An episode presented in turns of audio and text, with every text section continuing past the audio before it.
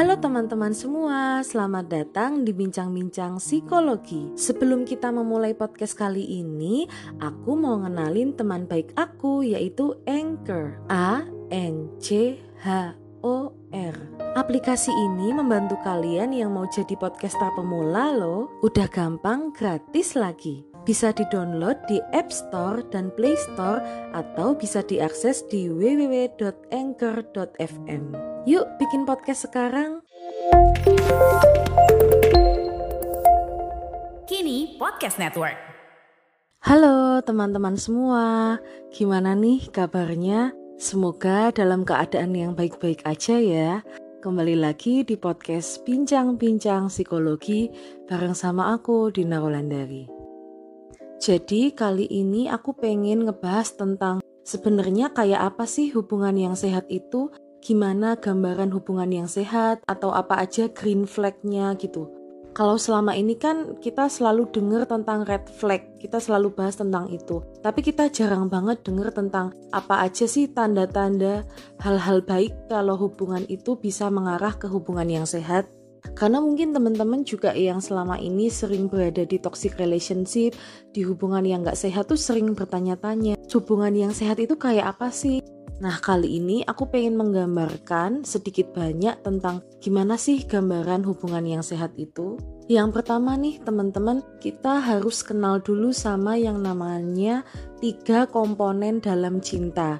Berdasarkan tokoh psikologi bernama Stenberg, dia itu menggambarkan bahwa cinta sejati atau cinta yang sempurna itu terdiri dari tiga komponen ini, yang pertama adalah intimacy atau kedekatan, yang kedua adalah passion atau gairah, yang ketiga adalah komitmen atau keinginan untuk mempertahankan hubungan. Kalau intimacy itu contohnya misalnya kita punya kedekatan emosional sama pasangan kita. Jadi kita berani untuk menunjukkan kerapuhan kita, ke pasangan kita, berani untuk menceritakan permasalahan-permasalahan kita yang dalam ke pasangan kita dan pasangan kita pun juga sebaliknya kayak gitu ke kita. Pasangan kita berani menunjukkan siapa dia yang sebenarnya di hadapan kita pasangan kita berani untuk mengungkapkan perasaan isi hatinya ke kita. Nah, ketika dua manusia itu sama-sama mau saling untuk menjadi rapuh, vulnerable di hadapan satu sama lain, nah di situlah bisa terbentuk kedekatan emosional atau intimasi itu tadi.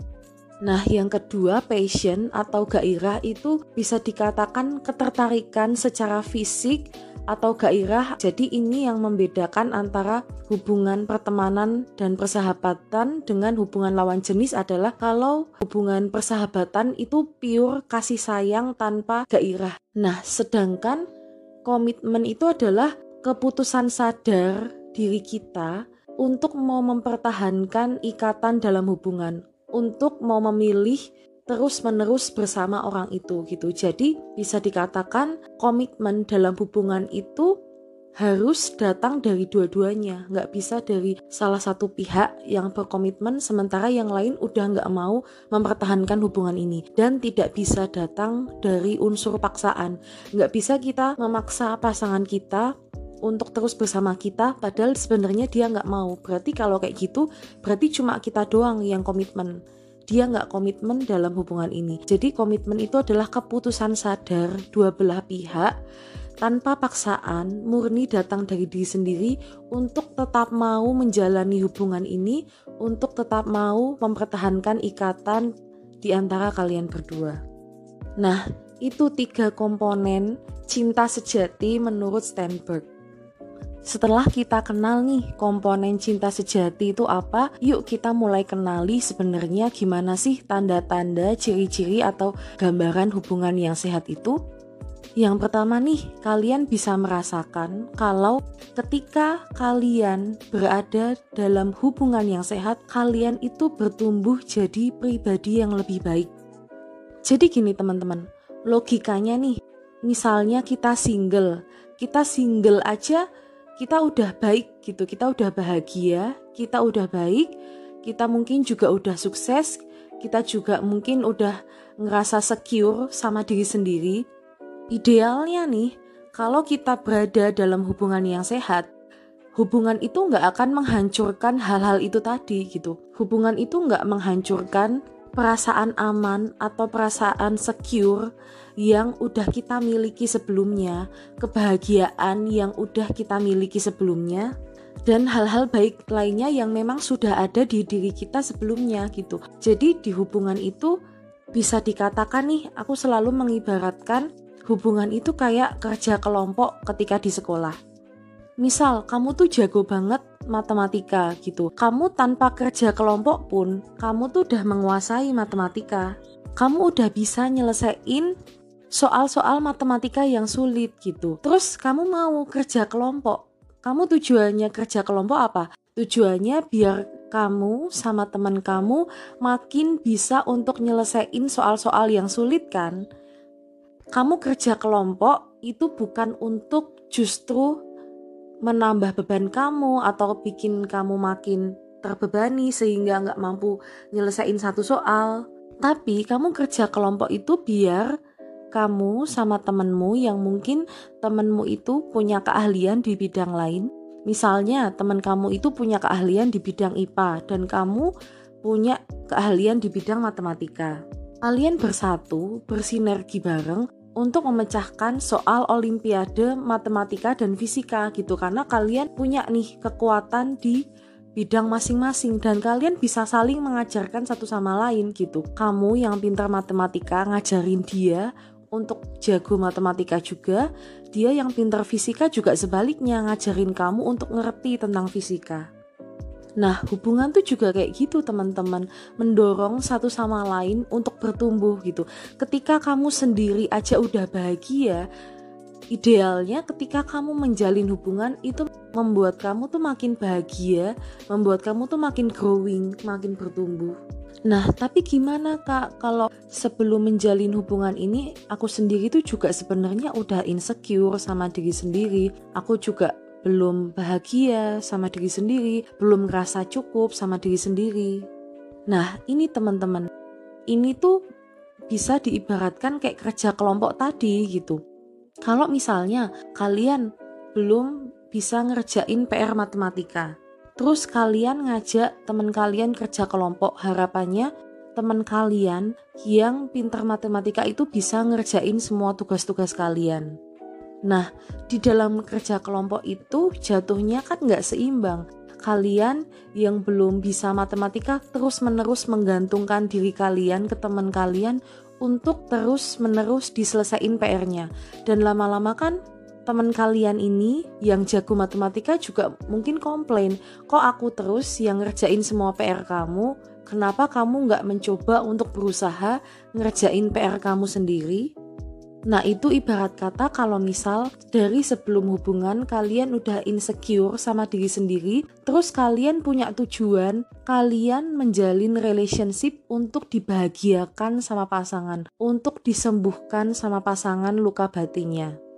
Kalian jadi terus menerus bergantung sama pasangan kalian Dan yang namanya hubungan itu kan sharing energi sebaiknya dalam hubungan masing-masing orang itu udah bahagia sama dirinya sendiri, udah cinta sama dirinya sendiri, udah secure sama dirinya sendiri. Jadi ketika menjalin hubungan, kayak contoh kerja kelompok tadi, mereka saling sharing kekuatan mereka masing-masing, saling sharing energi kebaikan, energi cinta kasih. Tidak yang satu bergantung sama yang lainnya, sementara yang lainnya terus-menerus membahagiakan pihak lainnya.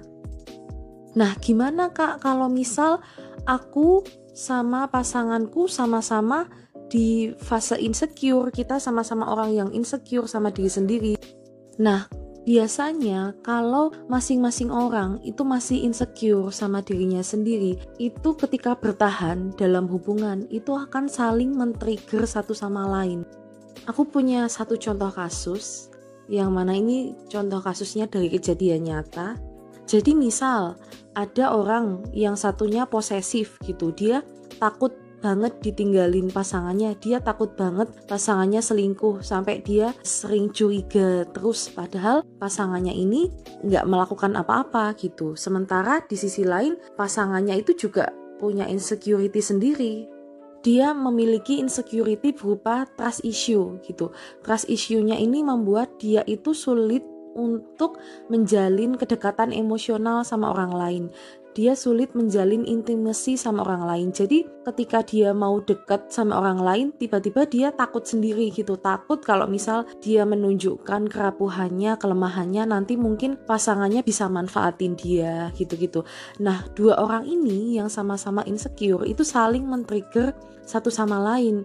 Si posesif ini menganggap kok pacarku nggak mau terbuka sama aku ya? Apa jangan-jangan dia mau selingkuh atau dia ini tanda-tanda mau ninggalin aku gitu. Sementara satunya yang si trust issue ini nganggep kok pacarku ini berlebihan banget ya sama aku kayak nyariin aku terus curiga sama aku terus apa jangan-jangan dia ada maksud di baliknya jadi pasangan yang satu ini men-trigger luka batin takut ditinggalkan di diri si posesif ini sementara si posesif ini men-trigger luka batin untuk deket sama orang lain gitu. Jadi mereka terus-menerus bertahan dalam hubungan tapi dengan dinamika yang kayak gitu gitu. Yang satunya takut ditinggalin jadi posesif, yang satunya malah takut deket dan jadi semakin menjauh gitu dan itu kalau misalnya masing-masing nggak menghealing issue itu nggak menghealing insecurity itu dinamikanya akan kayak gitu terus gitu Sebelum kita lanjut bincang-bincang bersama, ada yang mau aku ingetin nih buat teman-teman semua. Aku rekam podcast ini pakai Anchor loh. A N C H O R. Aplikasi ini bisa kalian download di App Store dan Play Store atau bisa juga diakses di www.anchor.fm. Yuk teman-teman download Anchor sekarang. Kecuali yang si posesif ini mau menghiling perasaan takut ditinggalkannya dan dia jadi lebih rileks, tenang, santai. Terus yang si trust issue ini mau menghiling luka takut percaya sama orang lain dan dia berani terbuka sama orang, dia berani menceritakan kelemahannya, maka itu akan jadi memungkinkan terbentuk hubungan yang sehat. Karena apa? Yang posesif ini dia bisa rileks, dia bisa santai, dia bisa belajar untuk memberikan kebebasan ke pasangannya sedangkan yang si trust issue ini dia bisa belajar bahwa terbuka sama pasangan itu nggak apa-apa kok. Percaya sama pasangan itu nggak salah gitu teman-teman. Contohnya kalau gambaran kalau hubungan yang sehat seperti apa sedangkan hubungan yang dipenuhi rasa insecurity itu seperti apa Nah, selanjutnya, ciri-ciri hubungan yang sehat adalah ketika kalian berdua mengalami suatu permasalahan atau konflik, kalian bisa menyelesaikan permasalahan itu dengan cara yang baik, cara yang sehat, dan membuat kalian berdua menjadi sama-sama bertumbuh dan ikatannya semakin erat. Aku kasih contoh lagi ya terkait contoh sebelumnya tentang si posesif dan si trust issue ini. Kalau di hubungan yang gak sehat, ketika terjadi konflik, itu mungkin akan ada kekerasan, baik itu kekerasan fisik, verbal, atau merendahkan satu sama lain, atau mungkin silent treatment. Jadi, mereka itu memilih untuk melakukan perlawanan satu sama lain, agresi satu sama lain, atau kalau enggak, memilih menjauh dari pasangannya satu sama lain gitu. Jadi, nggak berusaha untuk gimana caranya mencari jalan keluar mungkin yang misalnya tadi si posesif ini malah marah-marah ke si trust issue terus yang trust issue-nya ini malah dia semakin menjauh dia semakin gak mau tahu gitu. Kalau di dalam hubungan yang bertumbuh kalau di dalam hubungan yang sehat mereka mau saling berkomunikasi mau saling duduk bareng mau saling bertanya. Sebenarnya apa sih yang diharapkan dari pasangannya satu sama lain? Misal nih yang si posesif tadi menyampaikan Sebenarnya jujur ya, aku tuh takut gitu kalau misal kamu tuh lagi kelihatan menjauh dari aku. Aku tuh takut ditinggalin sama kamu. Karena aku merasa kok selama ini kamu kurang terbuka ya sama aku. Kok kamu jarang cerita tentang masalah kamu dan sering menghindar kalau aku udah mulai bahas perasaan sama kamu. Jadi aku pengen ke depannya kita lebih dekat secara emosi, kita lebih terbuka satu sama lain untuk cerita tentang permasalahan satu sama lain. Nah, kalau kamu apa yang kamu harapkan? Nah, dari konflik ini yang si trust issue ini bisa menyadari gitu. Oh iya ya.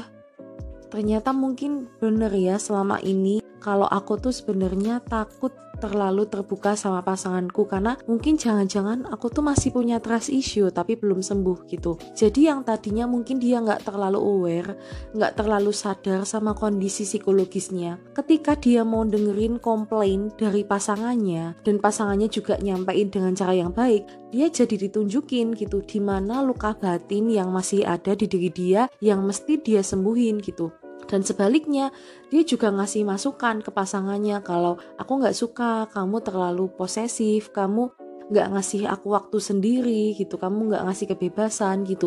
Nah, gantian yang si posesif ini bercermin gitu. Oh jangan-jangan emang iya ya aku yang terlalu posesif ke dia aku nggak membebaskan dia. Jangan-jangan aku punya luka batin yang belum sembuh aku masih takut ditinggalin Nah dari situ pelan-pelan masing-masing mulai healing gitu. Kenapa mereka bisa mulai healing? Karena mereka mau gitu. Mereka mau untuk mencari tahu apa sih harapan pasangannya ketika terjadi konflik dan mereka merefleksi diri apa bener sih yang dikatakan pasanganku ini emang bener aku kayak gini gitu ketika mereka mau mendengarkan harapan pasangannya dan mau berkaca gitu apakah yang dikatakan pasangannya itu memang sesuai sama dirinya dan dia mau mengubah itu, mau menjadi diri yang lebih baik. Nah, itulah yang dimaksud bahwa konflik itu bisa membuat seseorang bertumbuh, itu bisa merekatkan hubungan. Yang tadinya mungkin dia trust issue karena dia mau memperbaiki, dia jadi mau lebih dekat sama pasangannya. Yang tadinya dia posesif karena dia juga mau healing, dia lebih membebaskan pasangannya. Nah, itulah bisa jadi terbentuk suatu hubungan yang sehat. Nah, ciri yang ketiga adalah kalian masing-masing itu punya prinsip atau personal values yang selaras. Jadi, di antara kalian berdua itu kalian masing-masing punya prinsip yang gak bertentangan satu sama lain. Contohnya kalau dalam hubungan rumah tangga nih misal ada seorang suami yang dia punya values atau prinsip bahwa lebih baik istrinya itu bekerja di rumah aja. Tujuannya biar istrinya ini bisa sambil mengasuh anak-anak sementara si suami ini bekerja di luar. Nah, andaikan dia itu berpasangan sama seorang wanita karir yang itu nggak bisa diganggu gugat gitu dia pengen mengaktualisasikan dirinya dia pengen bekerja di luar rumah juga dan dia juga punya alasan. Aku juga bekerja di luar rumah juga biar nggak stres loh. Ketika aku nggak stres aku bisa ngurus anak-anakku jadi lebih baik gitu. Dan ketika aku ngurus anak-anakku jadi lebih baik moodku baik perkembangan anak-anakku mungkin juga baik gitu. Dan ketika kerja di luar rumah aku juga mungkin bisa sedikit banyak membantu keuangan keluarga gitu Nah, sebenarnya bisa dibilang masing-masing orang ini kan maksudnya sama-sama baik ya. Tapi walaupun maksudnya itu sama-sama baik gitu, sama-sama untuk keluarga, tapi prinsip mereka dalam meraih itu itu tuh beda. Dan itu yang bisa menimbulkan konflik atau pertentangan terus-menerus kalau misalnya mereka terus-menerus bersama dengan prinsip yang ada gitu. Jadi gimana Kak kalau gitu? Nah, makanya teman-teman, ketika kita mencari pasangan, itu pastikan sifat-sifat atau prinsip-prinsip yang ada di dalam orang itu, itu tuh nggak bertentangan banget sama prinsip kita. Kayak contoh si suami tadi, dia punya value kalau pengen istrinya bekerja di rumah aja. Nah, sebaiknya dia itu mencari pasangan yang mana si istri ini, si pasangan ini itu punya value yang lebih fleksibel tentang pekerjaan. Bahwa mungkin dia berpandangan bahwa bagiku kerja di dalam rumah sama kerja di luar rumah itu sama aja kok nggak ada bedanya. Aku juga tetap nggak stres walaupun kerjanya di rumah aja. Aku juga nggak apa-apa misal diminta kerja di luar rumah. Jadi dua-duanya sama-sama nggak apa-apa buat aku. Nah ini kan lebih bisa ketemu ya prinsipnya. Jadi yang si istri itu juga nggak keberatan kerja di dalam rumah sambil ngurus anak karena dia juga nggak apa-apa mau kerja di luar sama di dalam rumah itu sama aja. Yang suaminya lebih pengen si istrinya kerja di dalam rumah. Nah karena prinsip mereka atau personal values mereka selaras gitu ketika mereka memutuskan untuk terus melanjutkan hubungan hingga ke pernikahan misalnya yang tadinya mereka masih pacaran gitu. Mereka value-nya nggak terlalu bergesekan gitu. Kalaupun mungkin ada konflik dalam hubungan itu bukan konflik yang berkaitan sama prinsip gitu. Berkaitan sama hal yang itu emang udah sulit banget untuk diubah gitu. Gitu sih teman-teman. Jadi ini saran buat teman-teman untuk sebelum menikah bener-bener kenali diskusi apa sih yang dia mau dalam rumah tangga apa hal-hal yang prinsip yang emang itu udah nggak bisa ditoleransi nggak bisa diganggu gugat gitu. Supaya kalian tahu oh ini prinsipku sama dia tuh masih bisa jalan bareng. Oh ini kayaknya nggak bisa deh kalau diteruskan ke pernikahan sampai berlanjut terus menerus kayaknya bakal bertentangan terus. Nah kayak gitu teman-teman. Jadi itu tadi bahwa dalam hubungan yang sehat biasanya personal values dua orang itu sama-sama selaras Nah, gitu teman-teman. Sebenarnya mungkin masih banyak ya tanda-tanda dari hubungan yang sehat itu seperti apa gitu. Tapi di episode kali ini aku bahas sedikit-sedikit dulu, bahas dari tiga ciri-ciri dulu supaya kalian eh, lebih bisa memahami dulu, lebih bisa meresapi dulu baru mungkin nanti kapan-kapan kalau ada episode lain lagi tentang hubungan yang sehat, mungkin aku akan bahas ciri-ciri lainnya. Terima kasih banyak ya teman-teman udah mendengarkan episode podcastku hingga sejauh ini. Aku akan selalu berharap dan mendoakan supaya kalian bisa punya hubungan yang sehat. Terima kasih dan sampai jumpa.